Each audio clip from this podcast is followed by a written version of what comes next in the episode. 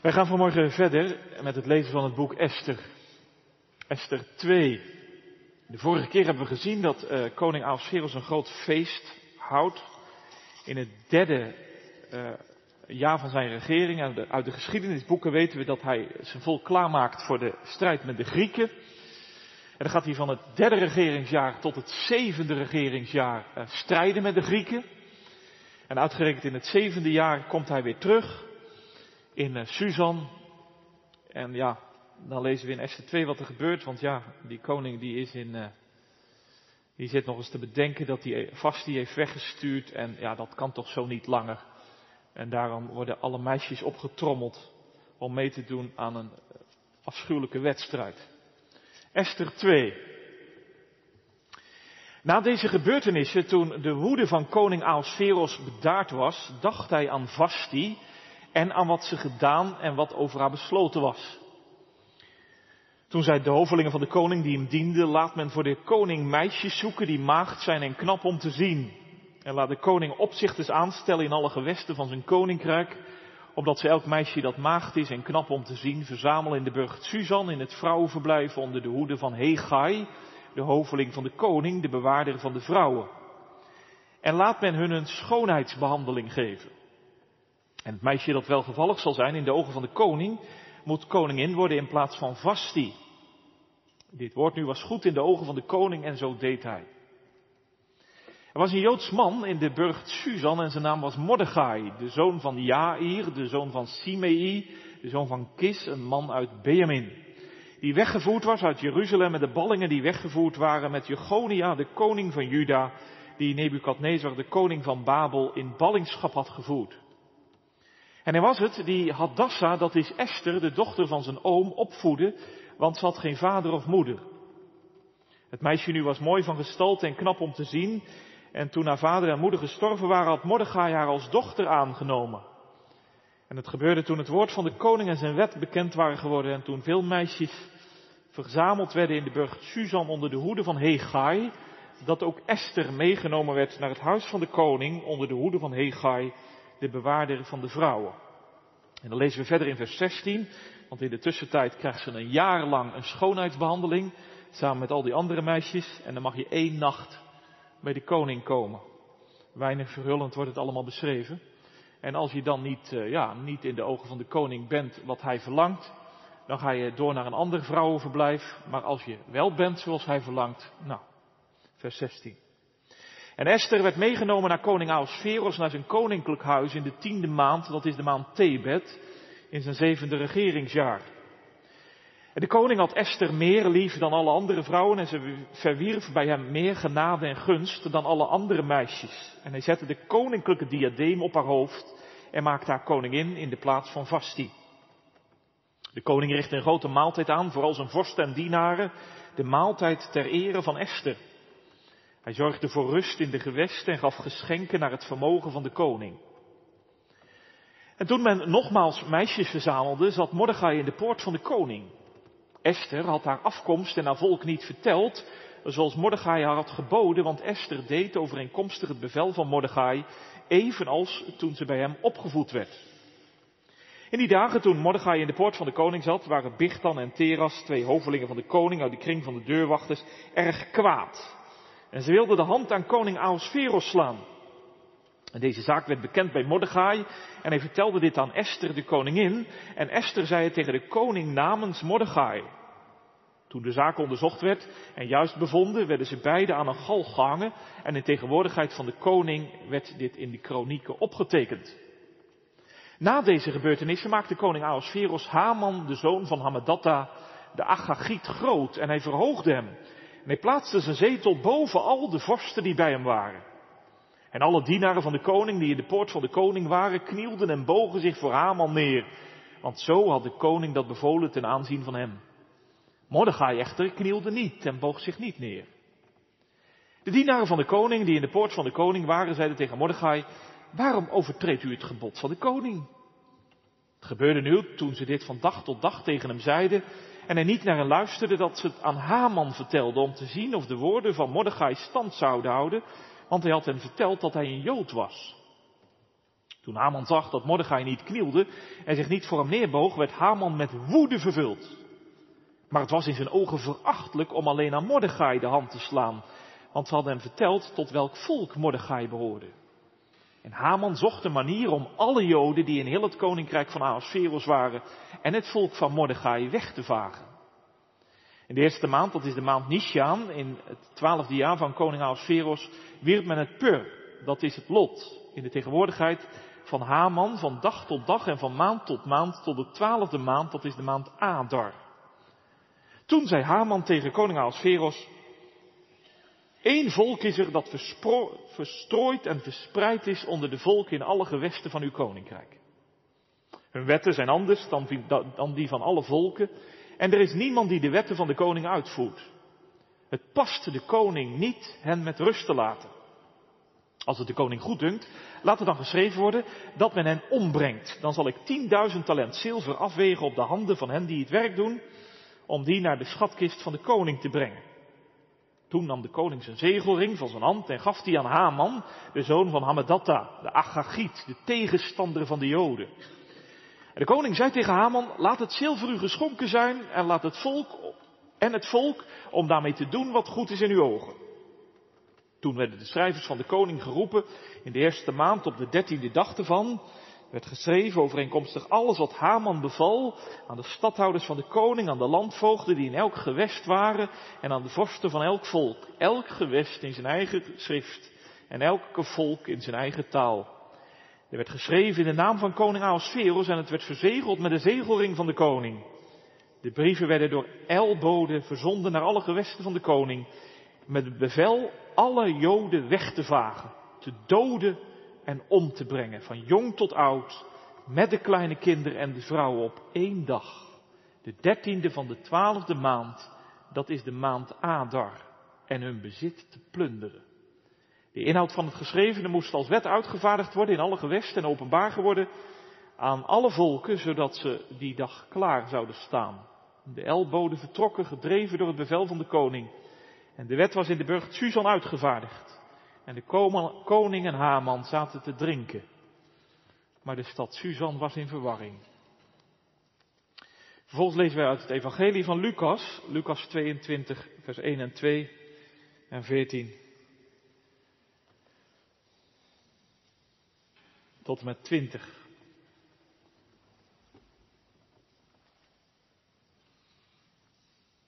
Lucas 22, vers 1 en 2 en 14 tot en met 20.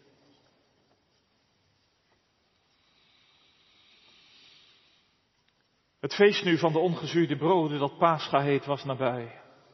En de overpriesters en de schriftgeleerden zochten naar een manier om Jezus om te brengen, want ze waren bevreesd voor het volk. Vers 14. En toen het uur gekomen was, ging hij aan tafel aanliggen en de twaalf apostelen met hem. En hij zei tegen hen, ik heb er vurig naar verlangd dit paascha met u te eten voordat ik ga lijden. Want ik zeg u dat ik daar zeker niet meer van zal eten totdat het vervuld is in het koninkrijk van God. En nadat hij een drinkbeker genomen had en gedankt had, zei hij, neem, en deze, neem deze en deel hem onder elkaar. Want ik zeg u dat ik niet zal drinken van de vrucht van de wijnstok, totdat het koninkrijk van God gekomen is. En hij nam brood en nadat hij gedankt had, brak hij het en gaf het aan hen met de woorden, dit is mijn lichaam, dat voor u gegeven wordt, doe dat tot mijn gedachtenis. Evenzo nam hij ook de drinkbeker na het gebruiken van de maaltijd en zei, deze drinkbeker is het nieuwe verbond in mijn bloed, dat voor u vergoten wordt. Dit is het woord van God. De spits van de preek is uh, Esther 3, vers 4 en 12. Het vierde vers van Esther 3. Het gebeurde nu, toen ze dit van dag tot dag tegen hem zeiden, en er niet naar hen luisterde dat ze het aan Haman vertelde om te zien of de woorden van Mordechai stand zouden houden, want hij had hen verteld dat hij een Jood was. vers 12. Toen werden de schrijvers van de koning geroepen in de eerste maand op de dertiende dag ervan. Er werd geschreven overeenkomstig alles wat Haman beval aan de stadhouders van de koning, aan de landvoogden die in elk gewest waren en aan de vorsten van elk volk, elk gewest in zijn eigen schrift en elk volk in zijn eigen taal. Er werd geschreven in de naam van koning Ahasveros en het werd verzegeld met de zegelring van de koning.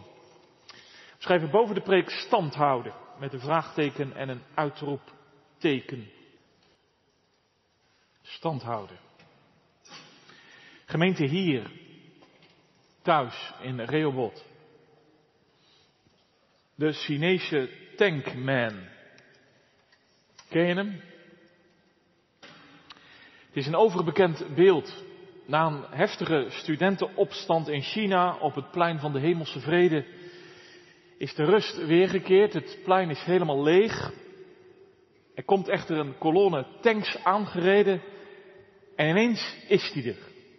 Een jonge man, zwarte hoed, wit overhemd, zwarte broek. Hij gaat pal voor die eerste tank staan. Je voelt de spanning. Zo'n jonge kerel op zo'n groot plein als een stipje voor die grote gevaarte. Wat gaat er nu gebeuren? Rijdt de tank door? Of stopt deze stalen strijd ros? Nou goed, die tank die probeert er nog wat bij te sturen om de jongeman heen te rijden, maar de jongeman die gaat gewoon er weer pal voor staan. Uiteindelijk klimt hij op de tank en het beeld gaat de hele wereld over. Een veelzeggende foto die ook op het kerkboekje staat afgedrukt. Zie je het? De tankman blijft staan. Hij wijkt niet, hij buigt niet, hoe kwetsbaar hij ook is, hoe kansloos het ook voelt tegenover zo'n logge en lompe tank. Hij gaat er gewoon pal voor staan. Ja, daar moet je wel heel sterk in je schoenen staan, dacht je niet? Net als in Esther 3. Mordechai is als een tankman die er pal voor gaat staan. Hoe kwetsbaar het ook is, hoe kansloos het ook voelt. Hij wijkt niet, hij buigt niet, hij blijft staan. Zul jij het doen? Zul jij het durven? Ik vraag het maar even, want ik weet niet hoe jij dat hebt. Maar ik twijfel er wel aan. Ik weet niet of ik zo heldhaftig ben.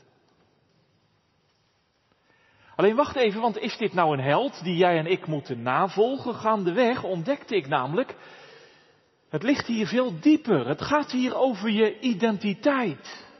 Waar je voor staat, waar je niet voor wijken kunt.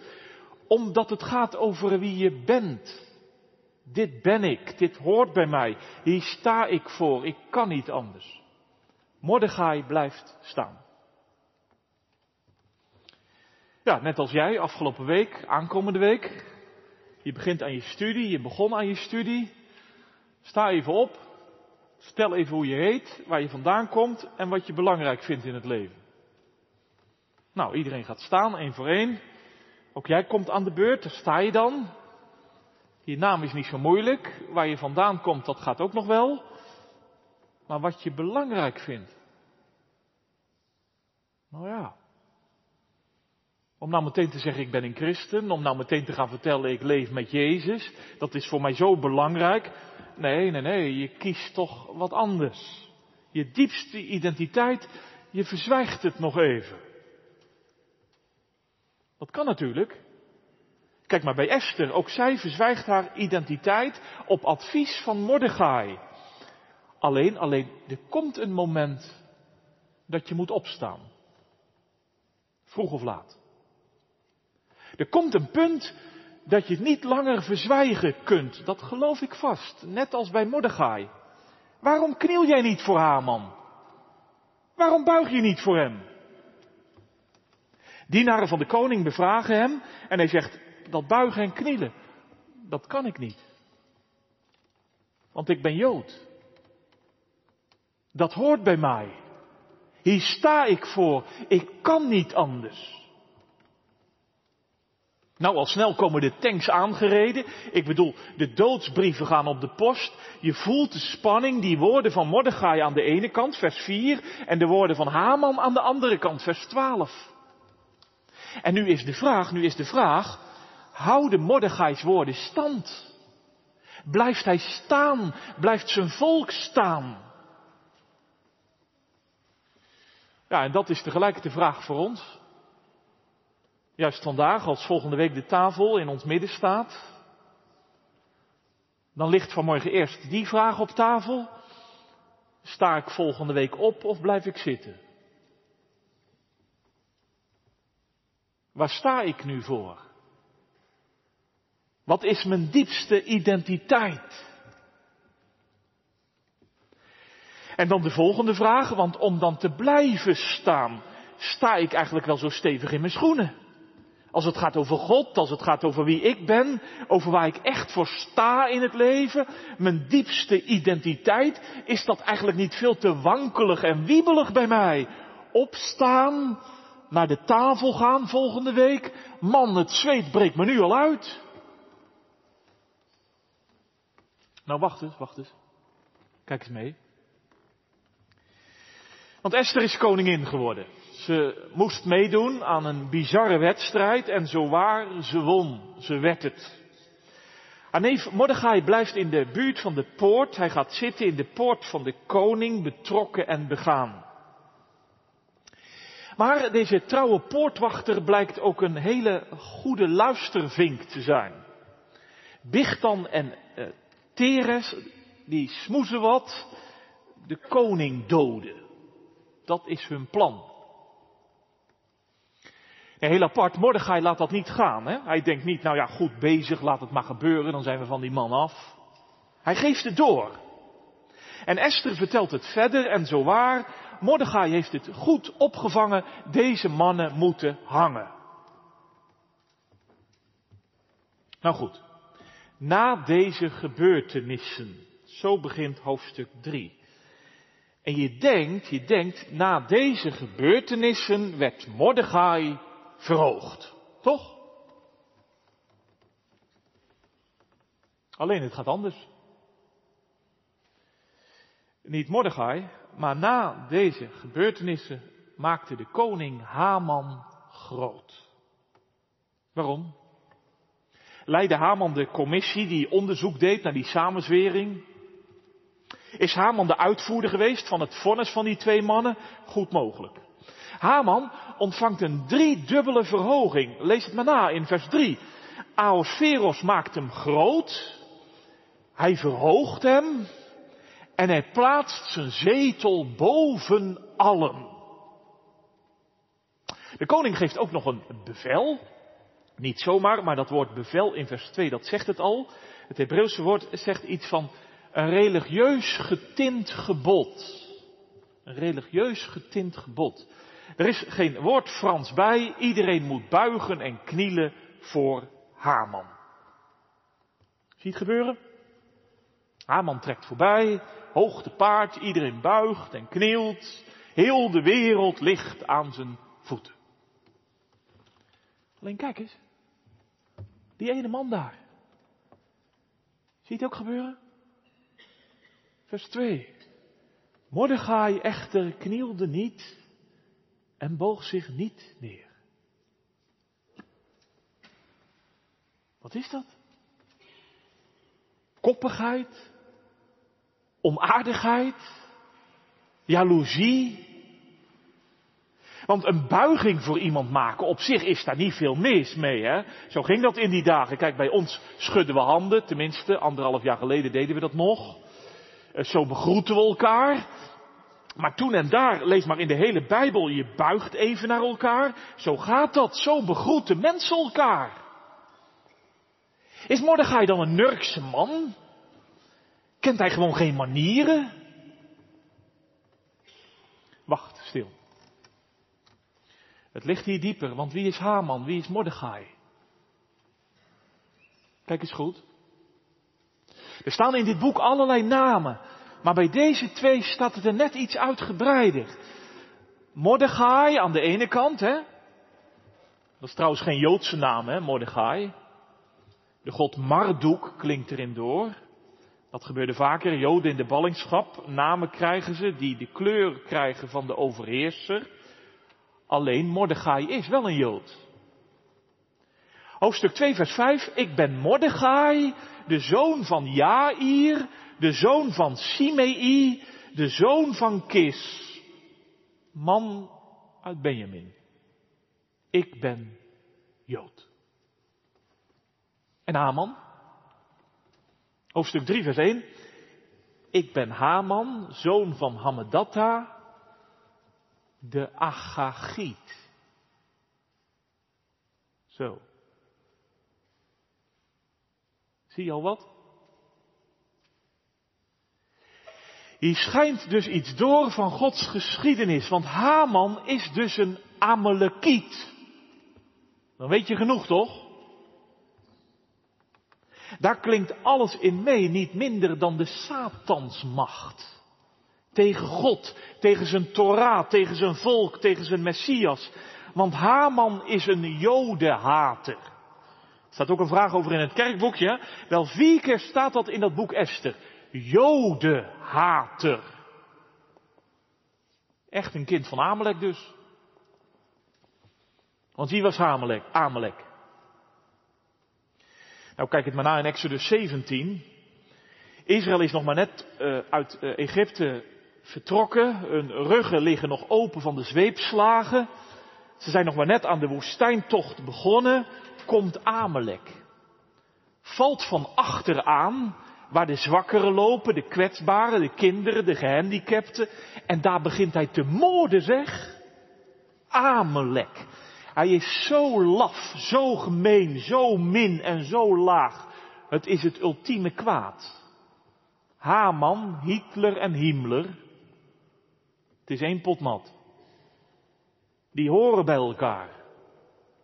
Het is het kwaad dat nergens voor terugdeinst. Het hele jodenvolk, jongeren, ouderen, kinderen, baby's. Met washand en zeep de gaskamers in. Dat is Amalek. Voel je? Daarom was God zo boos op Saul, hè? Weet je die preek nog van een jaar geleden, ja, dat is al een tijd geleden, 1 Samuel 15. Dat Saul, de koning van Amalek, Agag, gewoon in leven liet blijven. Hier staat de nakomeling van die koning Agag. Het kwaad maakt zich weer groot, het steekt weer de kop op, weer doet het dik en duur. Haman de Agagiet, nakomeling van Amalek aan de ene kant, Mordechai de Beemeniet, nakomeling van Saul aan de andere kant. Ja, kijk goed, kijk goed, want hij buigt niet. Hij blijft staan als een tankman midden op het plein, recht voor de doodsdreiger. Ik ben Jood. Dit hoort bij mij. Hier sta ik voor. Ik kan niet anders. Ja, zeg je, maar waar staat Mordechai dan voor? Ik ben Jood. Nou, Mordechai staat voor de naam van God, voor het volk van God, voor het woord van God. Dat houdt hij hoog. Als Mordechai buigt voor Haman, dan buigt hij dus voor de Satansmacht. En dat kan hij niet. Mordechai komt nu echt voor de dag. Hij moet wel. Alleen zie je intussen wat ik zie. Want dit is dus liefde, hè? Dit is pure liefde die gewoon niet meer verborgen kan blijven. Er komt een moment dat je voor de draad moet komen. Er komt een punt dat je het niet langer verzwijgen kunt. Mordechai blijft staan. Hij houdt stand. Het is het kernwoord in dit boek. Wel twaalf keer kom je dat in dit boek tegen. Stand houden. Hoor je dat? Want ik zat even te kijken, maar dat woord standhouden, dat is een schitterend woord. Juist in de Torah krijgt dat woord een hele diepe kleur. Weet je wat dat voor een woord is? Een priesterwoord. Dat je staat als een priester en voor zijn dienst in ijver blaakt. Weet je het nog van categorisatie? De priester met zijn witte gewaad en die gouden plaat heilig voor de Heer. Dat wordt zichtbaar in Mordechai. Hij staat in het volle leven. Maar als je goed kijkt, dan zie je, Mordechai is anders. Hij is van iemand anders. Hij dient zijn God. Hij heeft liefde voor hem en zijn geboden. Hij leeft bij zijn bevrijder uit Egypte. Geen macht en geen kracht die hem kan binden. Hij is er maar meteen getrouwd.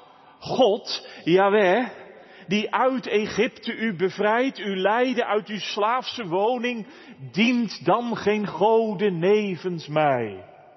Dat. Zeg het. Zie je al wat? Sta je naast Mordechai? Nee, ik ben geen Jood. Jij dacht ik ook niet, hè? Maar je ging door het doopwater heen. Om ingelijfd te worden in Israël. Dankzij die ene Joodse jonge Jezus Christus. Alleen als ik je nu vanmorgen vraag, wie ben je? Waar sta je voor? Wat zeg je dan? Ben je als Mordechai? Dat hoop ik wel. Anders is het niet best. Ik bedoel, leef je nou als een priester? Dat je staat in het volle leven, je studie, je werk, je gezin. En dat daar middenin zichtbaar wordt dat je van iemand anders bent. Heilig voor de Heer. Smetteloos voor Hem.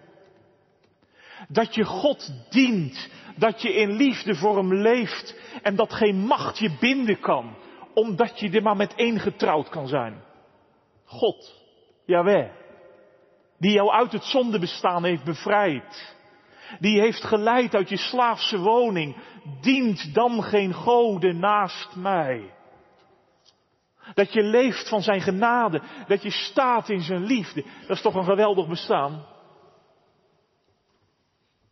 Toch een geweldig bestaan. Nou, zeg je misschien, ja, ja, dat is allemaal mooi gezegd. Leven als een priester, staan in het volle leven, heilig voor de Heer. Maar als ik naar mijn leven kijk, ik ben niet zo heldhaftig hoor.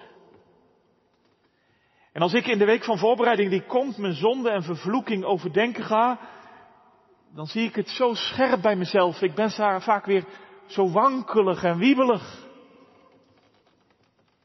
Kijk, toen ik hier stond en beleidenis deed, ja, toen stond ik terecht voor. Ik zei ja, vol overtuiging. Maar de tijd is verder gegaan en ik word zo aangevallen. Juist op mijn zwakke plekken. De duivel weet het kennelijk precies. Hij heeft me zo vaak te pakken. Stand houden tegen kwaad en duisternis. Ik zeg maar heel eerlijk vanmorgen, ik ben zo zwak. Oh. Maar wacht eens, want nou kom ik even naast je zitten. Weet je waarom? Ik wil je vanmorgen een geheim vertellen. En daar werd ik zo blij van toen ik dat ontdekte. Want hoe houdt Mordechai nu stand? Is Mordechai zelf zo stoer en dapper? Is hij zelf zo flink en zo moedig? Nou, wacht, even geduld. Ik ga het vertellen. Want Haman is wit heten. Hij werpt het lot tot twee keer toe met de dobbelsteen. Hij werpt het lot. Nou, de dertiende, oh ja, de twaalfde maand. De dertiende van de twaalfde maand Adar, dan moet het gebeuren. Entleuzum. In drie krachtige woorden staat het in vers 13. Alle Joden wegvagen, doden, ombrengen. Van jong tot oud, kleine kinderen en vrouwen. Huiveringwekkend. De hel davert van blijdschap en de demonen vieren als feest. Want dat vreemde volk, verspreid en verstrooid onder de volken, het moet worden uitgeroeid. Haman, hij noemt niet eens hun naam, hè? Maar als hij tegen de koning praat over dat volk, dan zegt hij, ja, dat volk met die eigen wetten, ze ondermijnen de stabiliteit van ons koninkrijk. Geslepen en geniepig kiest hij zijn woorden met halve waarheden die hele leugens zijn. Haman heeft er alles voor over. Zelfs een geldbedrag waar je u tegen zegt. En het lukt, het lukt. Hij krijgt de zegelring van de koning in handen. Alsjeblieft, ga je gang. De doodsbrieven worden geschreven. De ambtenaren schrijven hun handen blauw. De postbodes laten hun paarden hollen en draven over het hele rijk. Nu zal het gebeuren. Voel je? Dit is het duister van de geschiedenis. Dit is de geest uit de afgrond die vernietigen wil. Alles wat van God is. Zijn volk, zijn wet, zijn Messias. O God, waar bent u? Moet dat zo? Weet u wel wat ze van plan zijn? Uw volk wegvagen, doden, ombrengen.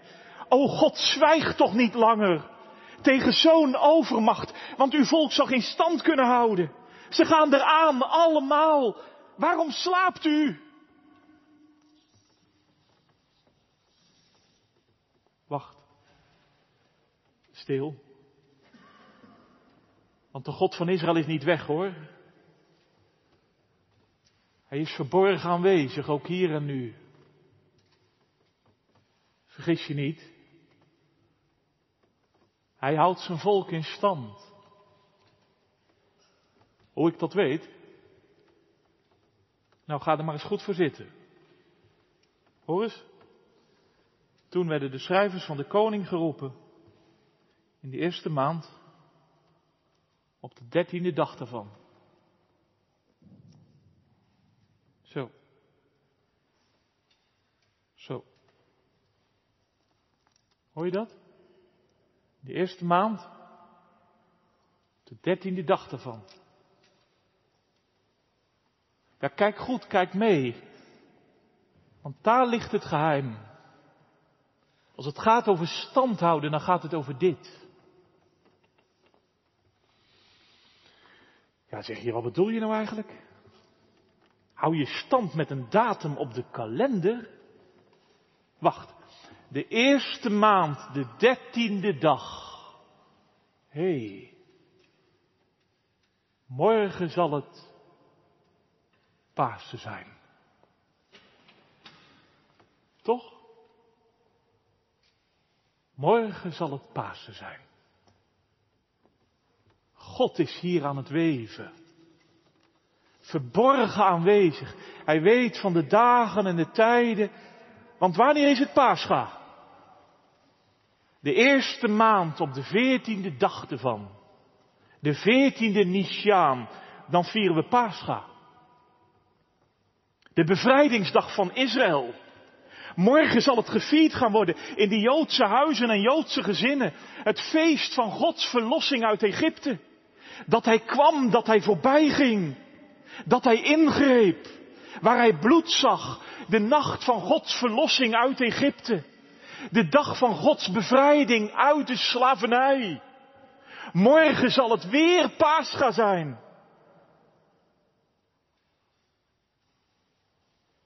Ja, maar misschien dus het laatste Pascha. Want de doodsbrief is op de mat gevallen. Vader kwam binnen en hij trok wit weg. Hij zei, kijk eens vrouw, hoor eens kinderen, op de dertiende van de twaalfde maand van dit jaar zullen ze ons allemaal uitroeien. Het is de wet van de koning. Niet te verbreken, nooit meer te herroepen, niemand zal ontkomen. Je doet toch geen oog meer dicht? Wat moet je doen? Hoe kun je ooit stand houden? Hoe zal dat woord van Mordechai ooit stand kunnen houden? Ik ben Jood. Ja, blijf dat maar zeggen. Dat gaat je je leven kosten, man. Dat red je nooit. Nou, wacht eens, wacht eens. De zon gaat onder, de volle maan komt op. Het is de veertiende Nishan. Jongens, Paascha vieren. Het staat op de kalender. We gaan het doen, ook nu. Gewoon zoals altijd. En we volgen de liturgie. Kijk, kijk, de ongezuurde broden staan op tafel zonder gist. Want tijd om het brood te laten rijzen hadden ze in Egypte niet meer. Zo haastig kwam Gods verlossing. De bittere kruiden staan op tafel. Zo bitter was het leven in Egypte. Maar kijk, kijk, daar staat ook een lam. Er kwam verlossing door te schuilen achter het bloed van het lam. Zie je het gebeuren? Vader heeft de doodsbrief in zijn ene hand. Maar in zijn andere hand een stukje lam. Zo schokkend. Zie het gebeuren? De ene hand de doodsbrief, de andere hand een stukje lam. Schokkend, maar ook zo hoopvol. Want er wordt gezongen juist in de paasnacht. Heel de lofzang, Psalm 113 tot en met 118. Het staat op de liturgie, hè? Zo gaat het elk jaar. Maar in deze nacht klinkt het toch anders. Die doodsbrief, die zit te beven op je stoel. Maar al bevend zingen deze Joodse gezinnen, kinderen, vrouwen en mannen. Gods rechterhand is hoog verheven. Des Heeren sterke rechterhand doet door Adaan de wereld beven. Houdt door haar kracht Gods volk in stand. Daar heb je het. Daar ligt het geheim. Gemeente, voelt u dat? Daar ligt dus het geheim van stand houden. Zo houdt het woord van Mordechai en zijn volk stand. Niet in hun eigen flinkheid, niet in hun eigen dapperheid, maar in God, in zijn redding, in zijn kracht en nergens anders. Met de doodsbrief in de hand wordt het nu al geproefd. Proef je het jongens? Zo was het hè? Zo was God toen hij ons uit Egypte heeft bevrijd. En zo zal hij ook zijn. We zien er niks van. We weten niet waar, waar we het zoeken moeten. Maar hier jongens, neem nog eens een stukje lam.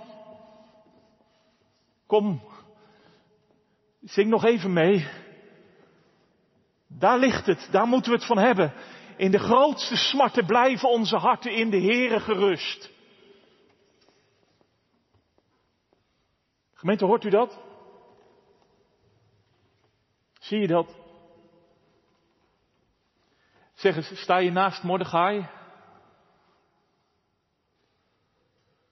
Want wees eerlijk, ook in onze dagen is God zo verborgen. Ik weet niet hoe jullie dat beleven, maar God, ja, zo verborgen. Wat zie ik nu van Hem? Vandaag, deze week. Maar wordt Hij ook zichtbaar in je daden? Leef je als een priester? Je bent ertoe geroepen toen je door het doopwater heen ging, om heilig te zijn voor Hem, midden in dat gewone en volle leven. Wat heerlijk als dat zichtbaar wordt. Dat op bepaalde momenten in het leven het gewoon helemaal open komt te liggen. Hè? Jouw liefde voor God. Jouw liefde voor Gods gebod. Dan krijg je volgende week weer versterking. In die liefde van Hem voor jou. Of ken je dat leven niet? Ben je door het doopwater heen gegaan, maar om heilig te zijn voor Hem, om als een priester te staan voor Hem in je leven, in liefde en met passie? Nee. Dan lig je in de zonde. Huiveringwekkend. Dan heeft de Amalekgeest je te pakken. Afschuwelijk. Kom, blijf er deze week nou niet in liggen. Maar sta op. Anders kom je echt om. Voor eeuwig. Nee, zeg je misschien, en dat hoop ik, als jij mij vanmorgen vraagt, heb je de Heere lief? Dan zeg ik ja. En als jij mij vanmorgen vraagt, kunt u de Heere nou missen in uw leven? Dan zeg ik nooit. Maar als het gaat over stand houden, dan weet ik het gewoon niet. Ik ben zo wiebelig de laatste tijd. Want de Amalekgeest is zo actief. Ik voel me zo aangevochten en aangevallen op zwakke plekken in mijn leven. Mijn liefde voor God is vaak zo half. En mijn geloof in God is vaak zo aangevochten. En mijn hoop op God is, is vaak zo onder het stof geraakt. Oh, is niet best. En het is waar hoor, stand houden, dan red je het echt niet met je eigen dapperheid. En dan red je het echt niet met je eigen flinkheid en met je eigen vroomheid. Maar weet je waar het geheim ligt? In God. Hoor je dat? Zou je het dan niet bij Hem zoeken vandaag en deze week? Want deze God komt je te hulp. Hij komt je tegemoet. Daarom staat er hier volgende week een tafel gedekt. Het is de tafel van Hem die stand hield. Die ging en die hing. Die ene Joodse man, Jezus Christus. Kijk, het feest van het Pascha is nabij. We lazen het. De doodsbrief is geschreven door overpriesters en schriftgeleerden. Ze zoeken nog even naar een geschikte dag. De Satan neemt Judas al in zijn tang. Maar kijk, die avond en nacht wordt het Pascha gevierd. Jezus heeft in de ene hand de doodsbrief. In de andere hand een lam. Brood en wijn. En hoor eens, hoor eens, dat vind ik zo ontroerend. Hij zegt tegen al die potentiële weglopers en vluchtelingen die voor hem zitten. Moet je eens horen wat hij zegt. Hij zegt, ik heb er zo naar verlangd om met jullie, om met jullie, met jullie, ja, met jullie dit paasgaat te eten. Het brood breekt. Zo zal mijn lichaam breken voor jullie. De wijn gaat rond. Zo zal mijn bloed vloeien voor jullie. Hij zingt de lofzang helemaal. En de laatste tonen klinken nog na, hoor je het? Houd door zijn kracht Gods volk in stand. Nu gebeurt het gemeente. Jezus gaat. Hij beslist de strijd. Hij draagt de vervloeking voor al die keren in mijn leven dat mijn liefde zo half was. Voor al die momenten in mijn leven dat ik viel voor kwaad en duisternis. En hij komt volgende week weer in ons midden om een priestervolk in Ede heilig te maken voor hem. Hij komt om. Ja, waarom eigenlijk? Waarom eigenlijk? Om jou te laten opstaan. Voor God en voor zijn woord. Om jou te doen standhouden. Tegen duisternis en kwaad. Ook vandaag. Om jou al zijn liefde te tonen. Jij die zo zwak bent de laatste tijd. Zo aangevallen wordt op zwakke plekken door demonen en hun machten. Zo onzeker waar je voor staat. Daarom staat volgende week het avondmaal gereed. Als het vervulde paascha. Zodat je zult opstaan volgende week. En het weer zult proeven. Mijn kracht houdt je staande, mijn kind. En dat je het weer zult beseffen. Mijn genade is voor jou genoeg, mijn kind. Want deze Jezus gemeente, deze Jezus, hij zal niet rusten voordat Amalek is weggevaagd. En daarom zal ik niet sterven, maar leven. Want zijn kracht houdt Gods volk onder Israël en de volkeren in stand. Ook vandaag. En daarom gaat zo deze week in. Leef zo toe naar de zondag waarop we gedenken. Niet wat wij deden, toch? We gaan zondag en woensdag niet gedenken wat wij allemaal deden, maar wat Hij doet. zodat je als een priester heilig zult worden en zijn voor Hem. En je stand houdt in Zijn kracht, door Zijn genade en vanuit Zijn oneindige liefde. Amen.